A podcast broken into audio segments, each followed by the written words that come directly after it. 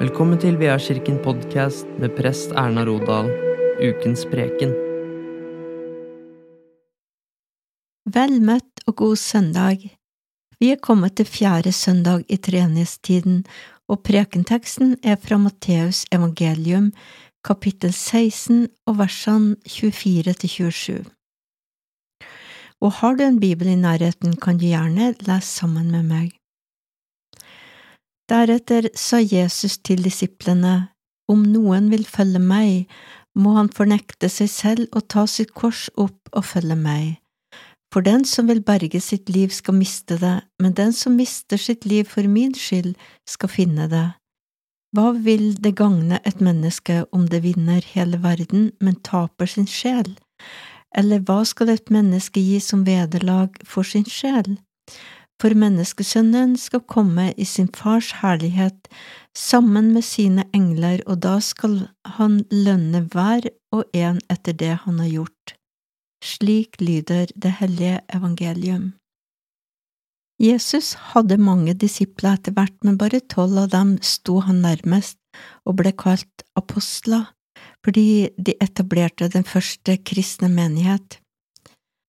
Men eh, hva vil det si å være en disippel av Jesus, og hva betyr det i praksis å følge Jesus? I dagens tekst så stiller Jesus opp tre vilkår for en disippel. For det første å fornekte seg sjøl, for det andre ta sitt kors opp, og for det tredje å følge Han. Det å fornekte seg sjøl betyr å være rede til å oppgi sine egne planer og ting til fordel for det som Gud vil, og det gikk imot samtidens fariseere og det de sto for. De vil bekrefte seg sjøl og virkeliggjøre seg sjøl, og det samme er jo idealet i dag. Vi skal realisere oss sjøl og våre egne drømmer. Når det videre står å ta sitt kors opp, så vis det til den skikken at det det var da de, de som var dømt til korsfestelse, de måtte bære sitt eget kors til retterstedet, og det skjedde under folkemengdens hån og spott.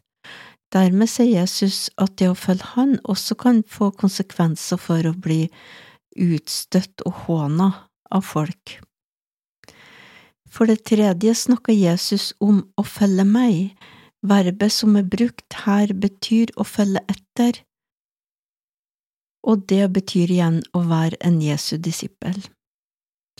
Å følge Jesus betyr ikke nødvendigvis å leve et asketisk liv, men mer å tørre å overgi vår egen vilje til Gud.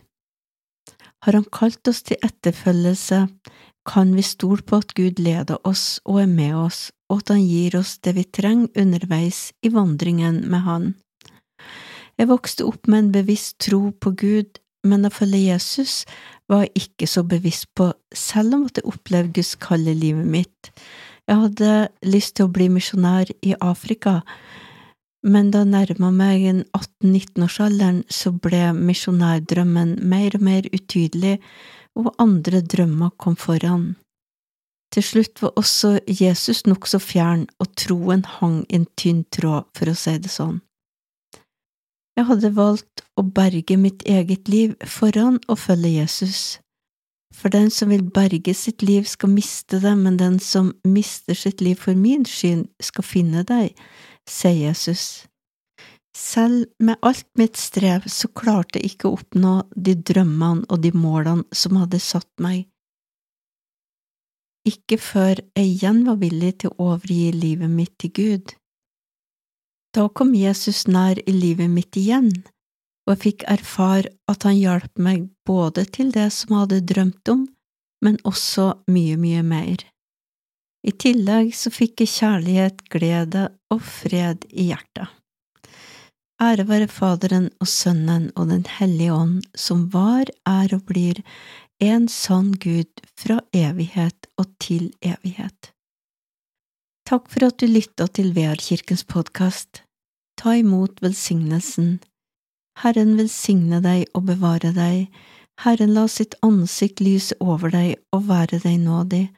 Herren løfte sitt ansikt mot deg og gir deg fred.